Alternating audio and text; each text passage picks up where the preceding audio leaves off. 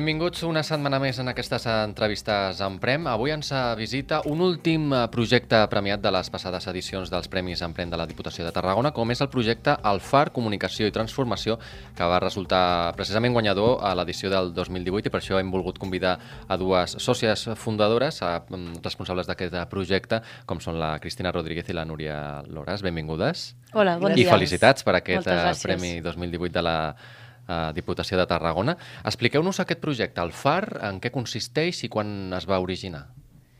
El FAR és una cooperativa, en, en primer lloc, no? que neix aquí a Tarragona i, i neix amb, amb l'objectiu de poder oferir serveis de comunicació, sobretot enfocats a, a temes socials, eh, amb una base sobre l'economia social i solidària i amb la característica que ho fem sempre buscant la participació de, dels diferents col·lectius amb els que, amb els que treballem. No? Uh, uh, quins són els objectius que us vau marcar en un primer moment i per què vau mm, decidir, com va sorgir aquesta idea? No sé si trobàveu un, un buit, una necessitat en aquest sentit. O...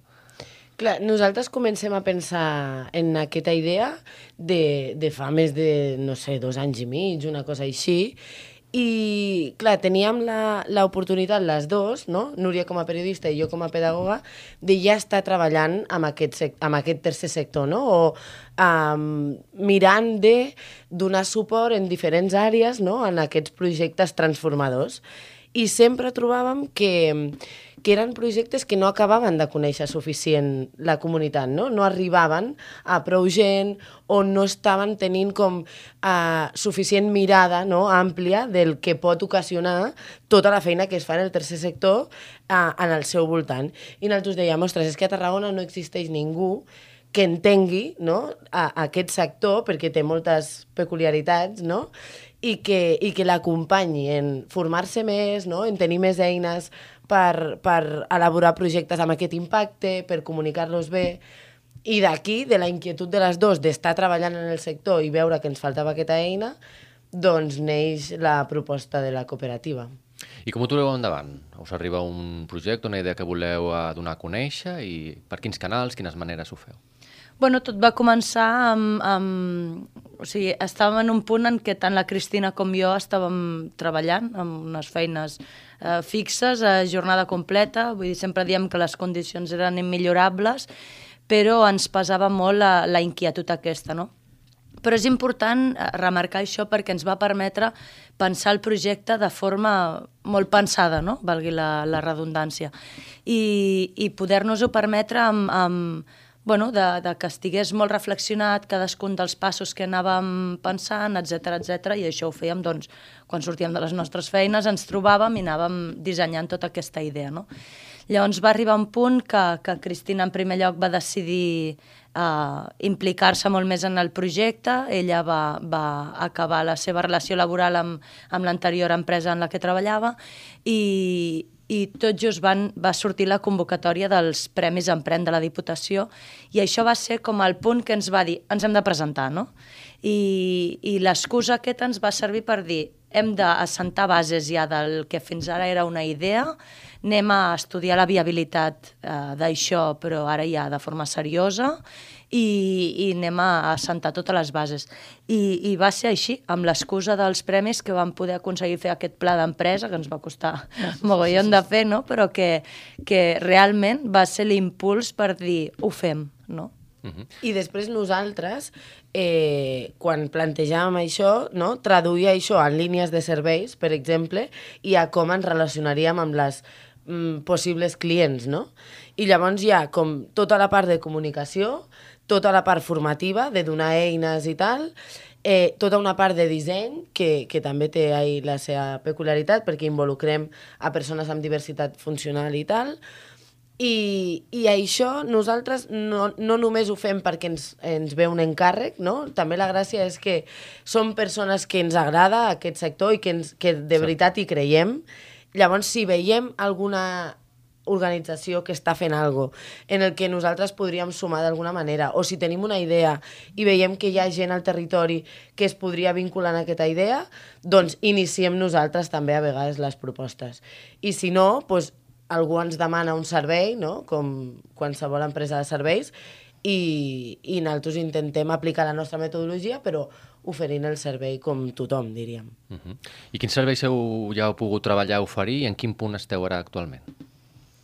Ostres, la veritat és que ha avançat mogollon. O sigui, el FAR està constituït de, de, des de l'abril d'aquest any i ja hem fet, doncs, per exemple, la campanya de Nadal de l'any passat d'aquí, de Tarragona, ens la va contractar l'Ajuntament i vam fer tot el disseny de, de la imatge de la campanya de Nadal, hem fet també projectes propis, de, una història amb la Federació de Voluntariat sobre com incloure les persones migrants que viuen a Tarragona a, en la comunitat, no? a través de l'opció de ser voluntàries i pensar i estratègies per apropar-nos a aquestes persones. Sí, també hem treballat molt amb el, amb el sector cooperatives, no? el costat de l'Ateneu Copcamp, que, que també ens ha ajudat molt a fer tot aquest procés no? inicial i, i amb altres cooperatives que també estan engegant, com el, en el cas de Primer Cop, que és una cooperativa que, que té l'objectiu d'oferir primeres oportunitats laborals a, a joves amb, amb dificultats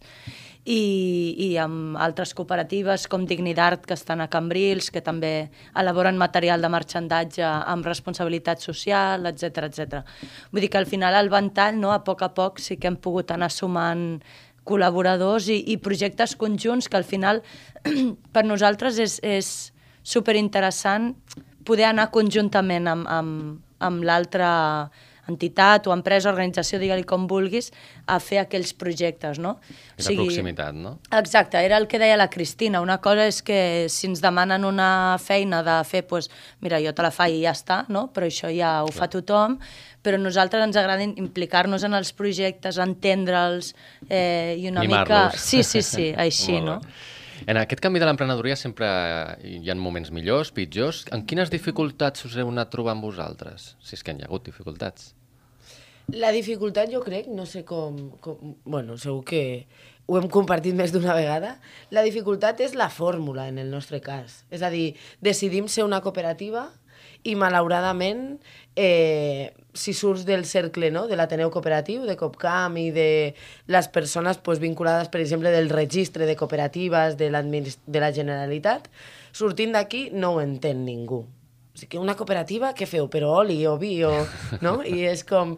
I aquí es van enganxar algunes coses en el, en el procés de constitució de la cooperativa perquè no, perquè no, no ho encaixa tothom, no? O sigui, vas a fer-te una SL o a ser autònoma i tothom ja té, no?, en els registres o coses així, tothom té molt per la mà, no?, els tràmits, però, ostres, una cooperativa i esto Està què més és? vinculat al món agrícola, no? Sí, el I, pensament. I a l'hora de comunicar-ho també és com un, com un hàndicap ara, però jo crec que també és una gran oportunitat eh? en, en el sector, eh, entitats, organitzacions sense ànim de lucre, altres cooperatives, és superbo que nosaltres ho siguem també. Però quan vas a parlar-li no, a algú altre que no està en aquest cercle, també crec que és algo que dificulta, no? Perquè li dius, mira, som una cooperativa que fem comunicació social. pues, de totes les paraules que has dit, no ha entès el 70%, saps? Llavors has d'explicar què vol dir que sigui una cooperativa. A més, li dius, i sense ànim de lucre. I diuen, ja, pf, tu, però què vens a oferir-me, no? I aquí hi ha una mica de molt bé. Anem ara a comentar un dels consells que sempre ens envien de diferents des de l'àrea d'emprenedoria de la Diputació de Tarragona. Aquest diu, troba un bon equip o socis i definiu les regles entre vosaltres. És important comptar amb un equip amb perfils diferents i complementaris i tenir un pacte de socis ben redactat preveient possibles eh, conflictes que els socis hauran d'afrontar en clau per a la supervivència de l'emprenedoria. En aquest cas, aquest consell que us sembla a vosaltres, no sé si us ha servit. Sí, a veure, realment és així. Nosaltres, quan, quan iniciem, el fet de que ens, ens ajuntem Cristina i jo no, no és gratuït, ni és perquè siguem amigues i ara hem decidit muntar això, no?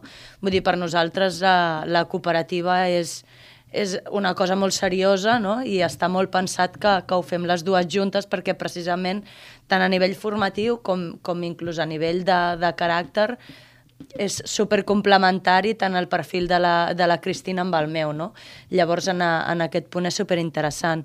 Després, el que, el que comenten del pacte de socis aquí a la Diputació, en l'àmbit del cooperativisme, eh, hi ha el que és el reglament de règim intern, que és el que marca una mica doncs, totes les decisions de funcionament que hi haurà dins la cooperativa.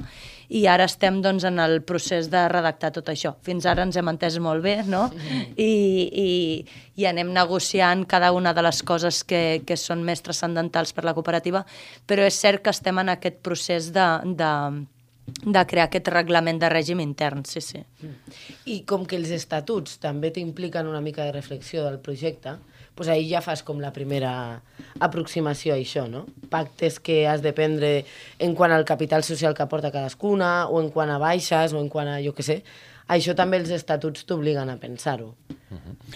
Anem ara a conèixer un dels molts serveis que precisament ens ofereixen també des de l'àrea d'emprenedoria de, de la Diputació de Tarragona, en mans de la tècnica Elisabet Jiménez. Avui us parlarem també de les accions de sensibilització que realitza la Diputació Tarragona eh, vers la comunitat educativa del nostre territori. El que realitzem són eh, sessions d'informació a instituts de, del nostre territori, eh, als alumnes d'ESO, batxillerat i cicles formatius, per tal de promoure aquest esperit emprenedor en qualsevol matèria que puguin necessitar.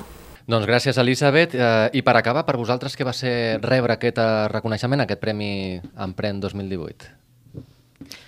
Bueno, d'entrada va ser molt d'orgull, no? Perquè, bueno, és el que et comentava abans, que va ser com l'excusa per començar a sentar ja les bases del projecte i també va ser més que, que l'import que reps, que evidentment sempre doncs, doncs, dona molta alegria, com el reconeixement de que gent entesa en emprenedoria, que nosaltres no ho som, no? que ens estem iniciant en tot aquest món, han valorat positivament aquest projecte i el veuen viable, no? i això ens va donar pues, com una energia de dir, vinga, que la idea que tenim està bé, de moment, no? Sembla que, que pot funcionar i tal, i, i, bueno, i a dia d'avui podem dir que, que realment va així, perquè, perquè de moment les coses ens van bastant bé, i no sé si la Cristina vol afegir alguna cosa més. No, a mi em va agradar molt també aquesta part, de que fins al moment pues, ho havíem parlat amb amics, amigues, familiars, Copcamp, que, que també coneixia tota la idea de projecte, però, però ja està. I aquests cercles és bastant normal que et diguin que endavant, no? I que, que, que bé que ho fa la meva filla. Empenta, eh? Molt bé. però en aquest punt... Quines seran les pròximes passes uh, per vosaltres i no sé si us marqueu alguna nova fita? Ara hem, hem començat, ara aquest novembre, per exemple, amb un, un repte bastant important, que és que tenim una persona amb nosaltres, nova, que eh, és, és una persona contractada, que és l'Anelí, i que ens, ens dona l'oportunitat d'ampliar la, com, com les possibilitats d'acció, no? perquè fins ara hem tingut moltes feines i llavors te quedes amb el que va sortint i amb les quatre idees inicials, però incorporar a Nelly, no? tenir una altra mirada i tenir més disponibilitat de, de temps, pues ens ve molt de gust treballar això que ho hem fet puntualment en el sector més educatiu, per exemple, i, i poder apropar-nos a, escoles, instituts, amb, com amb més constància perquè hem fet alguna cosa, o potenciar la xarxa de cooperatives, que és una que sempre diem, no? que serveixi com de model i, i anar fent comunicació amb Copcamp, ara que també hem entrat com a agrupades de, de l'Ateneu, i comunicar tot això que t'aporta, no? el fet de, de tenir una empresa dins de l'economia social i solidària i, i que s'entengui més no? el valor afegit d'això i el com te cuides a tu mateixa fent-ho d'aquesta manera. I això també jo crec que és un repte molt, molt xulo d'aquest any, no? de, de, que ha començat ara al novembre també. Molt bé. Quin consell podríeu donar als emprenedors que ens estiguin veient i escoltant? Jo diria que, en primer lloc, bueno, és, és el que et diu tothom, no? però jo crec que realment és així, que el més important és la il·lusió que tu hi poses, no? perquè malgrat hi hagi moments que, que jo dic, no, t'agafa com una mica de vèrtic, perquè al final és una decisió que prens tu i amb allò pots arrossegar moltíssimes coses, però que si tu realment creus molt en aquell projecte i t'il·lusiona, pues endavant, no? Milles, no? Oh, hauràs de treballar moltes hores, bueno, i què? Però si sí, m'agrada, m'és igual, no? Vull dir, és que, real, és que realment és així. Llavors, jo el, el primer consell que donaria és aquest. Jo donaria un altre, així que, que sempre ho diem, que és que es formin molt. O sigui, que la que més sàpiga del que fas siguis tu mateixa que no depenguis de que t'ho expliquin en un registre, perquè segurament la persona del registre no coneix tant no? el, el marc en el que tu et vols moure, les activitats que tu vols fer. Llavors, nosaltres hem estat dos anys i pico han anat totes les formacions que hi havien. Hi han moltes coses d'emprenedoria ara mateix a Tarragona, gratuïtes, que són superútils, que et fan replantejar mogollon eh, la teva idea inicial i que, i que et fa estar més segura, no? O sigui, barrejar aquesta il·lusió i aquesta empenta, no?, d'algú que et motiva amb tota amb una part... seguretat. Sí, mm -hmm. tota la part formativa és el, jo crec que és el, el que et fa estar tranquil·la. Doncs eh, Cristina Rodríguez i Núria Lores del projecte El Far, Comunicació i Transformació, gràcies per haver-nos acompanyat donant una mica aquesta visió no? i aquest eh, testimoni del, del vostre projecte i que tingui molt de camí per endavant. Moltes gràcies. I a vosaltres gràcies novament una setmana per acompanyar-nos i haver-nos prestat atenció. Fins la propera.